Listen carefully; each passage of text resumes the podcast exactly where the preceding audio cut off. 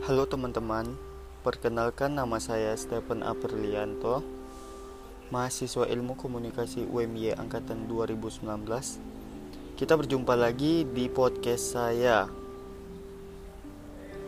Nah, sekarang saya akan belajar mem atau membahas tentang karakter radio dan televisi.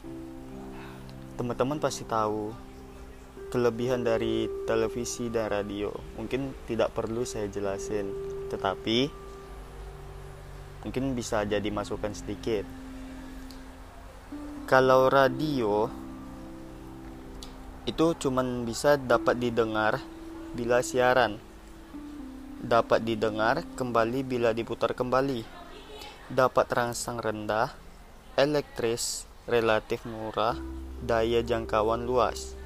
Nah, kalau televisi dapat didengar dan dilihat bila ada siaran, dapat dilihat dan didengar kembali bila diputar kembali.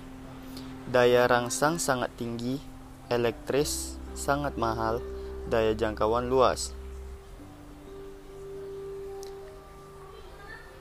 Imajinatif Radio bersifat teatre of mind artinya radio mampu menciptakan gambar make picture dalam pikiran pendengar melalui kekuatan kata dan suara.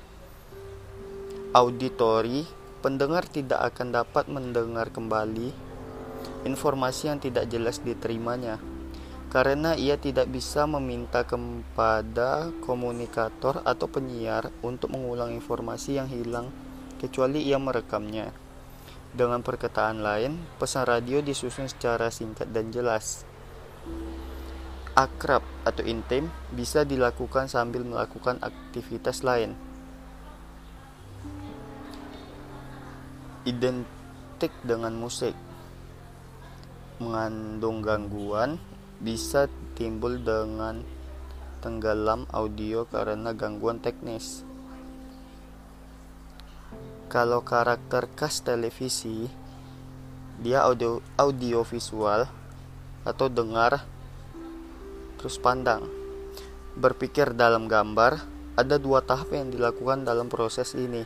Yang pertama, visualisasi, yaitu menerjemahkan kata-kata yang mengandung gagasan yang menjadi gambar-gambar. Yang kedua, penggambaran, yakni kegiatan merangkai gambar-gambar individual sedemikian rupa sehingga kontinuitas mengandung makna tertentu. Pengoperasian cara kerja yang kompleks Kekuatan televisi. Pertama detail. Yang kedua daya rangsangan yang tinggi. Yang ketiga teknologi tinggi. Kekuatan televisi menggoda, mudah ditiru, jangkauan luas.